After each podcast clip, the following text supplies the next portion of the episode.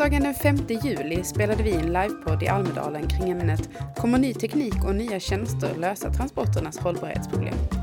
Tillsammans med Anna Kramers, Jan Hellåker och Jonas Åkerman diskuterades digitaliseringen och vilka möjligheter och hinder den medför. Men även självkörande fordon, elbilar och vad som ytterligare krävs för att nå målen i den nya klimatlagen i form av beteendepåverkande åtgärder och nya styrmedel.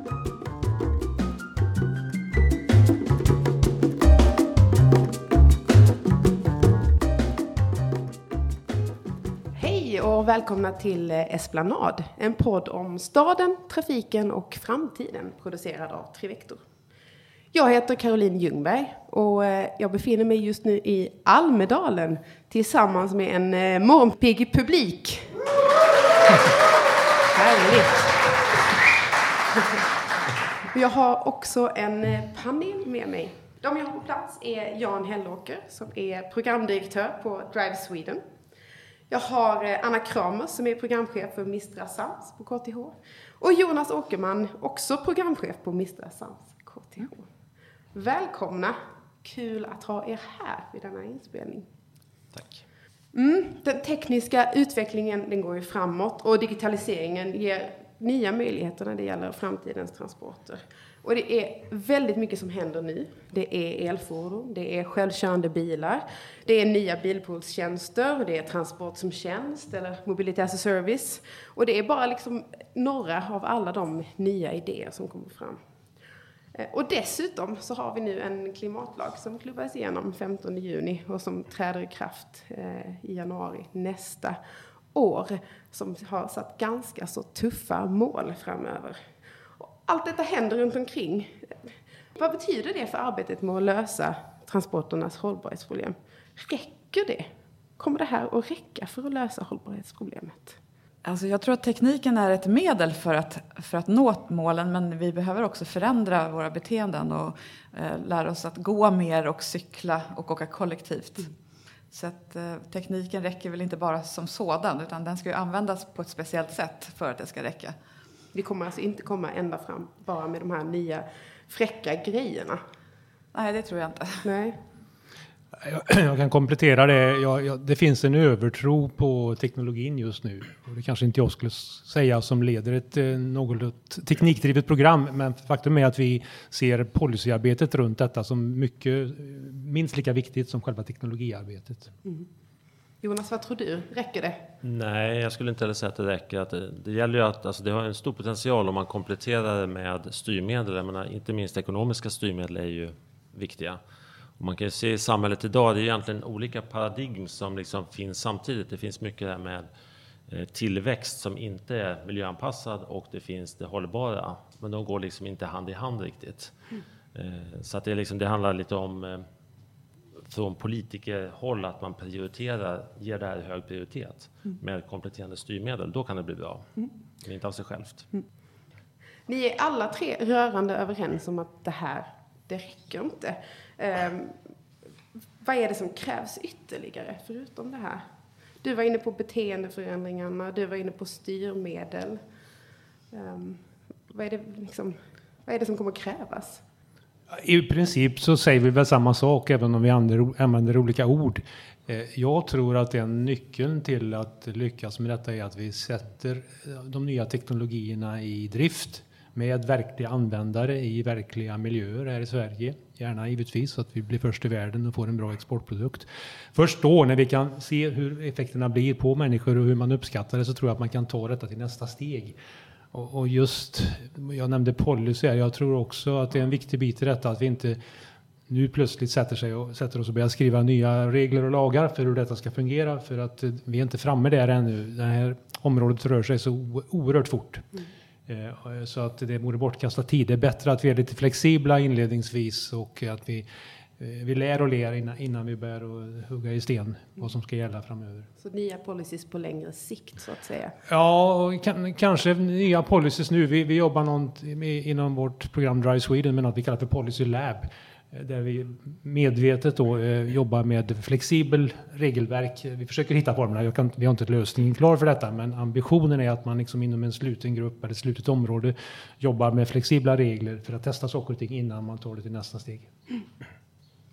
Men jag skulle också vilja säga att mycket teknik redan finns. Så att det gäller att sätta igång med att försöka förklara på vilket sätt man ska använda det. Och där, I vårt program så har vi också med en koppling till resfria möten i myndigheter. Där man jobbar mycket med att använda videokonferenser istället för, och telefonkonferenser istället för att resa och samarbetsverktyg också.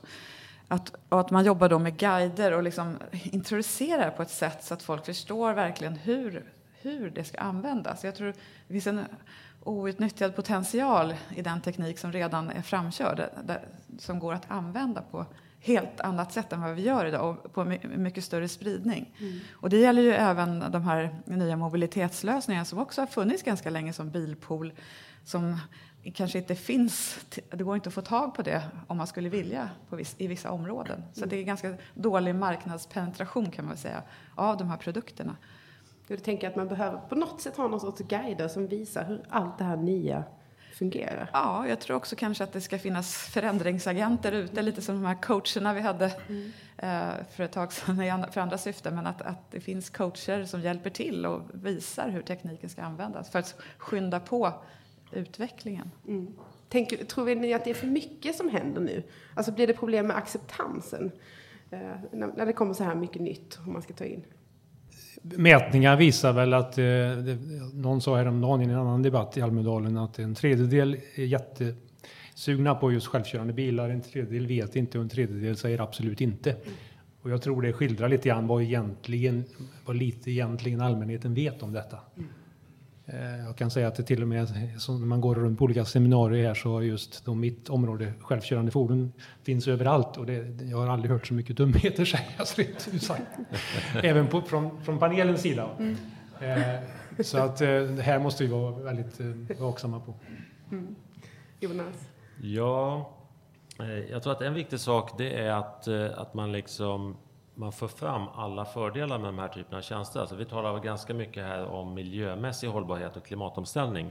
Men de här tjänsterna har ju en väldigt bra potential när det gäller social hållbarhet och även ekonomisk. Om man tar till, till exempel eh, bildelningstjänster, lätta elfordon och virtuella mötesformer. De är väldigt resurseffektiva.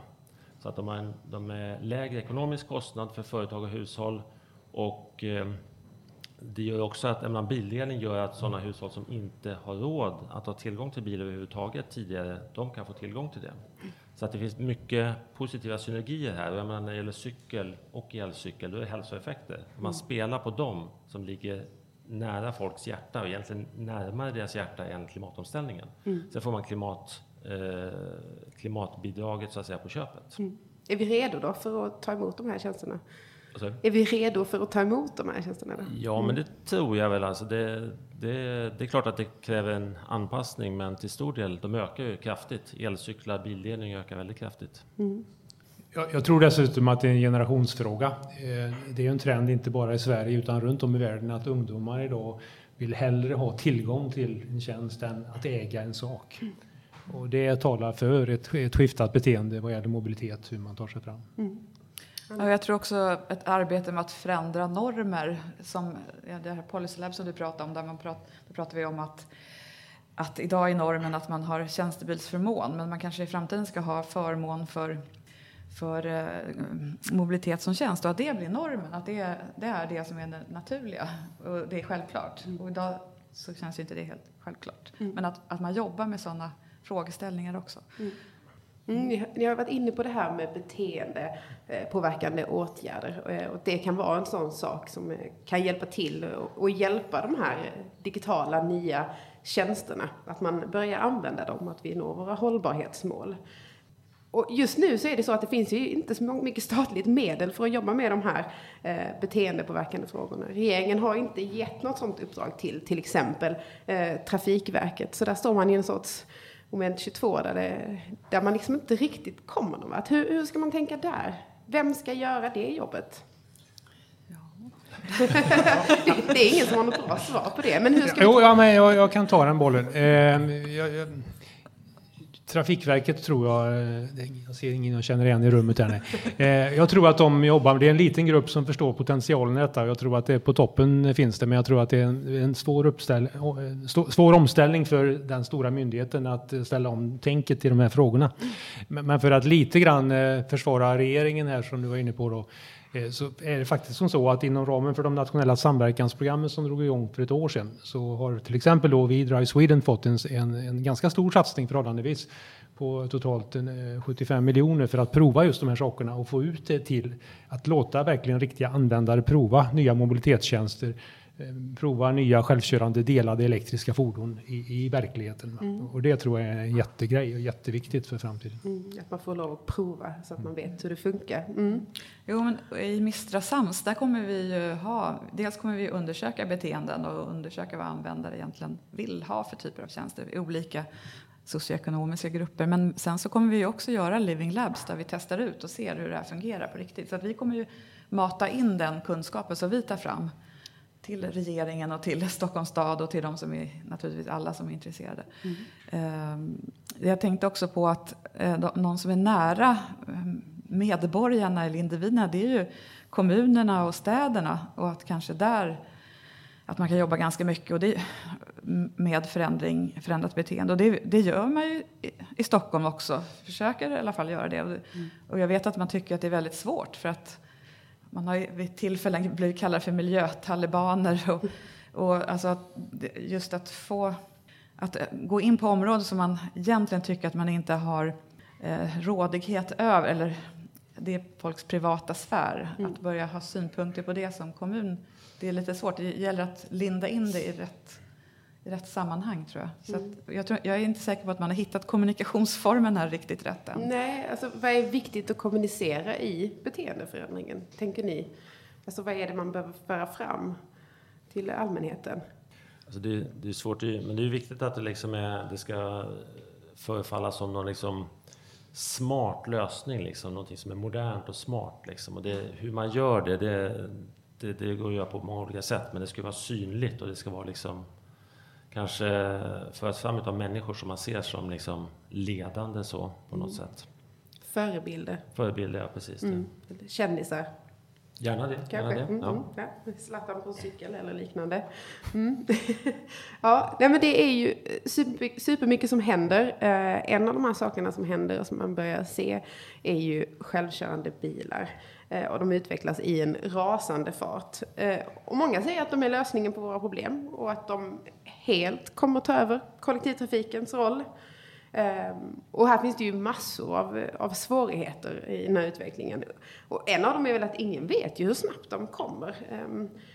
Dels ute på landsbygden eller inne i staden och en annan handlar om acceptans och att man faktiskt ska våga och vilja sätta sig i en sån här självkörande bil. Jan, hur tänker du eh, på det här? Är vi redo för de självkörande bilarna? Vi är absolut eh, redo att ta oss an teknologin och teknologin kommer att komma precis som du säger. Sen så tror jag återigen att det är lite hypat just nu att eh, det kanske inte kommer att gå riktigt så fort. Det är inte så att de är här imorgon. Och det är tur det, för att det finns nämligen, jag ser, självkörande bilar är ett verktyg för någonting som kan förändra vårt transportsystem eller vårt sätt att röra oss till något som är ett rent paradis. Vi jobbar allt mer med, med, olika diskussioner i Sverige och runt om i världen med ett himmel och helvetesscenario. För faktum är att det finns båda, båda de två ligger inom potentialen för vad teknologin kan medföra. Eh, om, Gud förbjude, alla bilar vore helt självkörande imorgon, så vad tror ni skulle hända då? Jo, alla skulle liksom tillbringa sin tid i bilen. Det gör ingenting att man sitter i bilen för man kan raka sig, man kan äta, man kan jobba, man kan sova på vägen dit. Så det kommer inte hända några olyckor för att de är säkra och vi, dessutom så rör vi oss inte för att gatorna är fulla av bilar. Det, det är mardrömsscenariot. Då. Medan om vi går till den andra ändan av skalan när vi börjar att dela dem och använda en självkörande bil som tar mig till bussen den dagen det regnar och sen åker och hämtar Anna Eh, vid någon annan hållplats och kör ännu en bit. Eh, och då börjar vi närma oss den här balansen när vi använder den självkörande tekniken i dels mindre fordon. Jag tror även vi kommer att få se en ny kategori fordon mellan personbilen och stadsbussen. Någon typ liten skyttelbuss med lite högre kapacitet. Men kollektivtrafiken måste finnas kvar. Men att använda självkörande tekniken som motvikt där och balansering mot, mot den. Det, det, då har vi närmat oss det himmelska scenariot. Mm. Komplement till kollektivtrafiken Absolut. enkelt. Ja, Mm. och sen kommer givetvis kollektivtrafikfordonen också att kunna bli självkörande och därmed sänka kostnaderna på, för operationen av dem. Så att det, det, det är en win-win för nästan alla. Mm. Du kan tänka dig att sätta dig i en självkörande bil. Jag har redan gjort det. Du har redan gjort det. Härligt, ja. Jonas?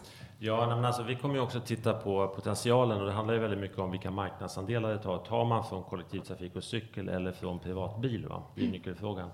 Eh, sen tror jag det är viktigt att komma ihåg att det här är ju någonting som kan ha en positiv effekt på lång sikt. Men det kommer inte till exempel påverka 2030-målen. Det kommer inte ha någon betydelse där. Eh, Så att man ska liksom inte dra för stora växlar på potentialen i utan det kanske till 2050 om det är väl utformat kan ge en potential. Men det finns också risker där. Vad är anledningen till att det inte kommer hjälpa 2030-målet då? Ja, alltså det är ju, det är ju, det tar ju tid helt enkelt. Och jag menar en, ett problem, och det kanske Jan kan bekräfta, det är ju när man har blandad trafik mellan självkörande fordon och eh, manuellt körda fordon. Och manuellt körda fordon kommer att gå snabbare att köra, för de autonoma, de måste vara försiktigare än vad vi är som privata förare. Man kan inte programmera en autonom bil för att ta massa risker. Och det gör att de kommer liksom komma efter i trafiken till exempel. Det kommer vara massa sådana grejer. Eh, så att eh, ja, det tar tid helt enkelt. Mm. Det kommer att ta tid. Ja. Eh, Lösning fast på längre sikt så att Alltså säga. en del utav lösningen om man utformar styrmedel på lång sikt. Så det är må- ganska många om. Men absolut en potential. Jag funderar också på, vi har ju vi har dels självkörande bilar och sen har vi någonting annat som också börjar bli ännu vanligare och det är ju elbilarna. Ehm, och som andra säger, de, de kommer lösa våra hållbarhetsproblem. Det är ju super, alla de här nya tjänsterna som bara kommer att fixa allt. Eh, ett problem här är ju att de, elbilarna tar ju precis lika mycket plats som vanliga bilar och studier visar att det går åt extremt mycket energi vid, vid tillverkningen av de här bilarna. Så att man behöver köra flera tusen mil för att de ska bli lika miljövänliga som en, en dieselbil. Ehm, är, det, är det lösningen då? Alltså, dels vet de här studierna som har visat på att det, att, att det går åt väldigt mycket energi kanske har jag fått höra, jag har inte själv studerat, men att de kanske, kanske är så att det baserar sig på föråldrad information. Men, men det som elbilar också bidrar med det, det är att de är tystare och att det är, att det är andra miljöfarliga gaser som kommer ut som är farliga för oss människor också som, då, som försvinner från bilarna. Så det är ju någonting positivt. Eh, och sen just själva användningsfasen. Man använder en elbil väldigt länge. Och framförallt om den är lätt, om det är en liten elbil, då är det ett bra alternativ. Och eh, ja, att man kanske använder den kanske på det sättet som, som Jan beskrev här för, för eh, de här självkörande bilarna, alltså längst ut där det är svårast att komma. Att man inte sitter och åker runt allt för mycket i dem. Och precis som du säger, de tar ju också plats i, på gator och torg. Eh, Så att om vi kan använda dem på ett, på ett annat sätt och om det kommer med ett nytt sätt att använda dem så kan de absolut vara en möjlighet. Där finns ju dock en potential. När, när bilarna blir mer och mer självkörande och mm, har en bättre säkerhet så kan man ju dra ner väsentligt på storleken och tyngden på bilen för att man behöver inte ha de eh, passiva krockzonerna som finns idag. Så att det, är ju, och det, och det ser vi ju redan på några av de här konceptfordonen som håller på att utvecklas även i Sverige, nere i Skåne där Unity håller på med en liten mopedbil som knappt väger mer än vad passageraren gör. Jonas? Ja, nej, men alltså, det, är ju det här, alltså platsen i, som det tar i staden, även det här med livscykelperspektivet, det är ju viktigt så att säga, tillverkningsutsläppen och så. Eh, sen kan man fundera lite på, om man tittar på Norge som ju är föregångsland i det här, eh, speciellt när det gäller batterielbilar, alltså inte laddhybrider. Där säljs 80-90% av alla batterielbilar säljs till hushåll som har minst två bilar. Och det betyder att man kanske måste ha en väldigt stor bilflotta för att elbilar ska ha en potential. Och då kanske de inte ersätter fossila bilar utan det är så att säga tillägg. Eh, och det där är någonting man behöver fundera lite på hur det där fungerar. Det är inte självklart att det fungerar om man har en mindre bilflotta så att säga. Nej. Då, då finns det ju laddhybrider i och för sig, men de har, de har andra problem. Så, så att det, Därmed inte sagt att det inte har en potential, men det finns väldigt många sådana komplikationer som man kan missa i det här. Mm. Och då kommer vi in på någonting annat som man också pratar mycket om nu och det är ju transport som tjänst, mobility as a service, att man faktiskt kan få dela på den här eh, fordonsflottan. Att man, man kanske inte behöver ha den där elbilen själv eller någon annan bil för den delen eller eh, olika typer av, av cyklar och, och, så vidare. Hur ser ni på den potentialen för framtiden? Eh, att man delar? För, för mig och för vårt program så är det, det är liksom det målet vi syftar mot. Mm. Det är dit vi vill komma. Så den självkörande tekniken, det är bara ett, ett steg den, på vägen dit, ett verktyg i verktygslådan. Mm. Och, och, den biten, den kan vi ju faktiskt börja med redan idag. Mm. Och återigen, allt, det här är så likt det som hände i musikbranschen med Spotify och man har sett i andra branscher, att man går från att köpa något dyrt som man använder ibland till att prenumerera på det. Mm. Och det tror jag också attraherar den yngre generationen. Eh, så, så att det, det, är superviktigt. Mm. Man kan ju också komplettera delande som jag också tycker är väldigt bra, men att det också finns olika typer av delande som kan ge olika effekter. Det finns ju sådana typer av delande som kanske mer att man eh, får möjligheten att köra en bil som man aldrig skulle ha råd att köpa och vilket gör att man väl, blir väldigt sugen på att köpa den här bilen. Mm. Alltså, eller och så finns det sådana där man måste gå och måste planera sitt, eh, bildel, sin bildelning och då kanske det leder till att man reser lite mindre med bil. Så att, eh, även delande kan ju få olika effekter beroende på vad det är för typ av lösning. Och även det här problemet som vi ser i stan idag att cyklarna ska stå vid stationerna där folk kommer in och så ska man cykla in i stan. Men det är där alla behöver cykla. Så då blir det liksom, det finns inte till. Så det måste köra bilar runt med cyklarna helt mm. plötsligt. Också just den här fördelningen. Och då kanske det är bättre att man tar sin egen cykel nästan. Ja, så det, det måste sättas i sitt sammanhang, mm. delande, vad det, vad det får för andra effekter. Mm. Nej, men det, visst är det så. Och, eh, men jag tror att eh, delande tjänster har en väldigt stor potential. Cykel, i alla fall om jag går till mig själv så vill jag gärna ha min egen cykel. Men bilar tror jag definitivt har en stor potential och det ser man ju. Har, man har ju en, ungefär en fördubbling av antalet bilpoolsmedlemmar i Sverige var tredje, fjärde år. Och där har man verkligen just det här som jag sa, att man har både ekonomisk, social och eh, miljömässig vinning utav det. Mm. Eh, och det går ju hand i hand också med nu när man inser att man har haft alldeles för, alldeles för låga parkeringskostnader. Så man höjer P kostnaderna, då blir det också en faktor som bidrar till att det blir mer lönsamt att gå med i en bilpool då, och slippa en egen bil. Mm. Men det är viktigt också då att man har Alltså bilpoolsbilarna i sig är ju ett skyltfönster för den här tjänsten, att de står synligt och på bra ställen och där kan ju så att säga städerna, kommunerna hjälpa till med det. Jag kan hålla med om det. Jag vill, ha, jag vill gärna ha min egen cykel. Det kan bli ett problem framöver. Alla vill ha sina egna cyklar. Mm. Jag Funderar också på andra hinder med digitaliseringen och eh, om, de här faktiskt, om det kan innebära en risk vi hade ett exempel, den här poddutrustningen som vi just nu står här och spelar in med. Eh, den befann sig i Stockholm och skulle bjudas till vårt kontor i Lund. Eh, men själva budföretaget ingick i den IT-krasch som var eh, förra veckan eh, och inträffade förra tisdagen. Så hela systemet kapades och ingenting kunde skickas och allting som stod på deras hemsida var fel. Men tack vare en resa ut till ett lager utanför Upplands Väsby och en två timmar lång letan i en myrstack så kunde den här utrustningen lokaliseras och senare också levereras eh, till Lund i slutet av veckan för att sedan åka hit till Almedalen. Alltså, finns det en risk med den här digitaliseringen och de nya tjänsterna? Eh, vad händer när man kapar eh, systemet för de självkörande bilar eller, eh, eller andra sådana typer av system? Är det här en risk? För det första måste jag säga att det var inte speciellt transporteffektivt eller klimatsmart att skicka från Stockholm till Lund till Gotland. Men ja. Okay. Vi kan ta det efteråt. eh, nej, men självklart finns det en risk och det är ju någonting som inte är specifikt för den här branschen utan det gäller ju hela samhället. Eh, det här måste det tas krafttag på, på global nivå. Och jag vet inte om det finns några, det finns förmodligen inga enkla svar på det. Men, men det är inget som från vår programsida så ser vi inte att vi, vi, kan inte ta upp det som ett specifikt problem för då skulle vi behöva lägga alla resurser på att lösa det och inte ta oss an de stora greppen. Så att jag, jag, tror att digitaliseringen måste fortgå. Vi har ett annat problem och det är med datadelning och privacy och, och, och den, den, biten som också är, kan bli en knäckfråga. Men eh, informationen måste göras tillgänglig för att de här transport som en tjänst och delningssystemen ska fungera. Det, så enkelt är det. Kan det bli ett, eh, ett problem när, när folk inte vill lämna ut sina sina egna uppgifter. Jag, jag, tror att folk kommer att vilja lämna ut det när de vet vad de får för det. Men ja. återigen så handlar det om att låta dem få prova då, vad det ger. Det var någon igår som sa att, att sådana här tjänster måste bli liksom, eh, tillräckligt, det måste bli så bra så att man tappar hakan. Så att man liksom, mm. att det bara fungerar helt enkelt. Mm.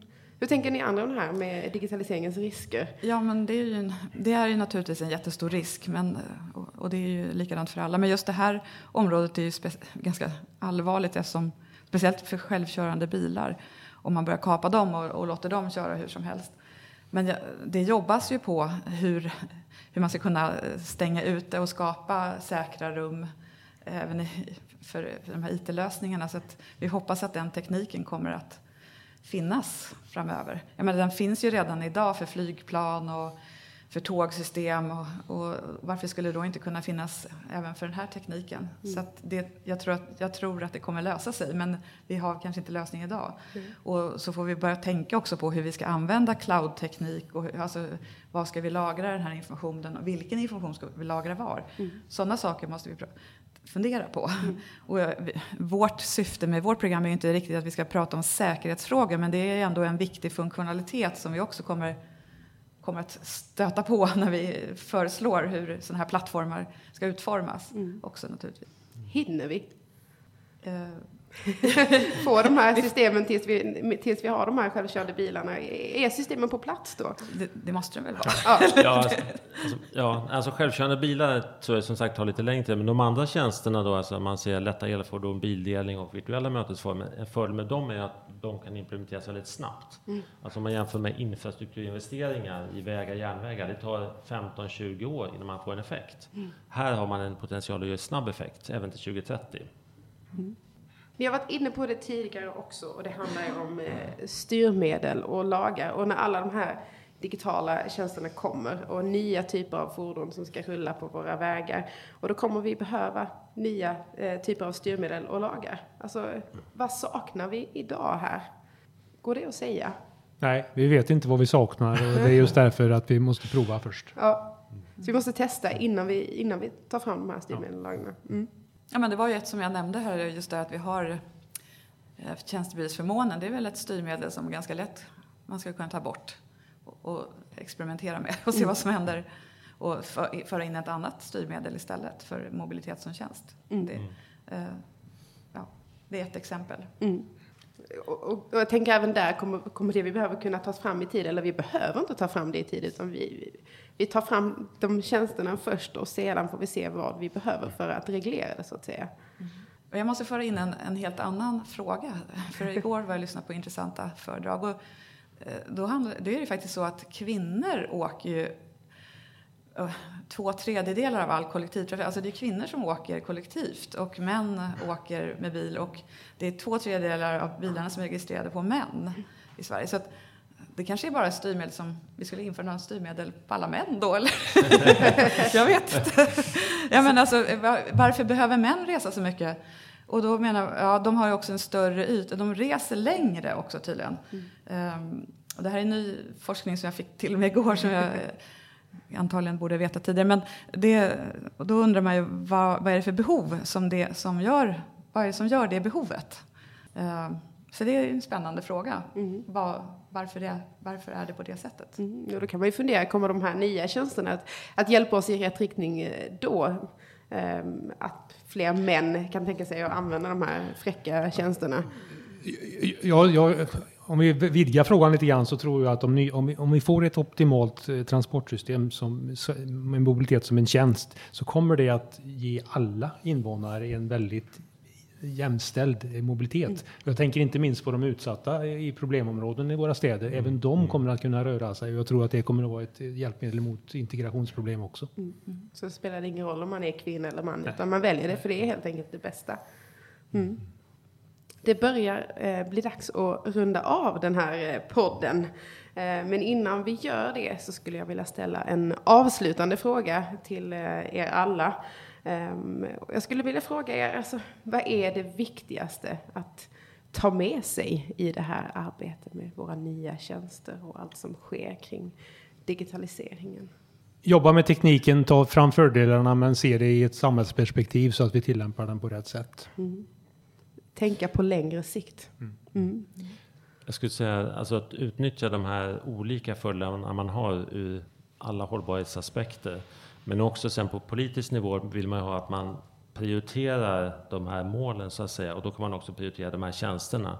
Idag så ser man ju till exempel att vi har haft eh, rekord i nybilsförsäljningen i de flesta av de senaste 36 månaderna. Och det går ju tvärs emot det här med bildelningstanken.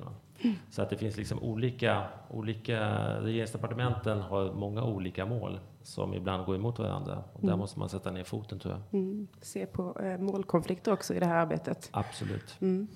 mm. Ja, jag, jag, tror att det är viktigt att jobba med kommunikation, att lägga större vikt vid det och för, förklara vad det här är för möjligheter, att det kommer fram. Mm. Eh, och också jobba med förändringsagenter.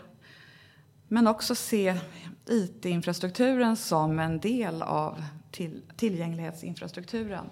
Så att, att det, vi inte alltid behöver, ta, behöver inte alltid resa. Mm. Det finns möjlighet att utföra aktiviteter utan att resa eller resa kortare till ett, ett servicehub där man får tillgång till de tjänster som man, och de saker som man behöver. Mm. Jobba med att, att vi kanske inte alltid behöver resa och när vi behöver göra det så gör vi det på ett smart sätt helt mm. enkelt. Mm. mm. Stort tack för att ni ville vara med i detta avsnitt av Esplanad. Tack. Tack. Tack. Hej då.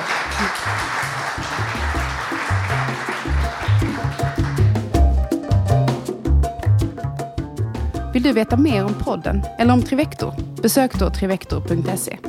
Och har du tips eller tankar om podcasten? Hör av dig till esplanad.trivector.se.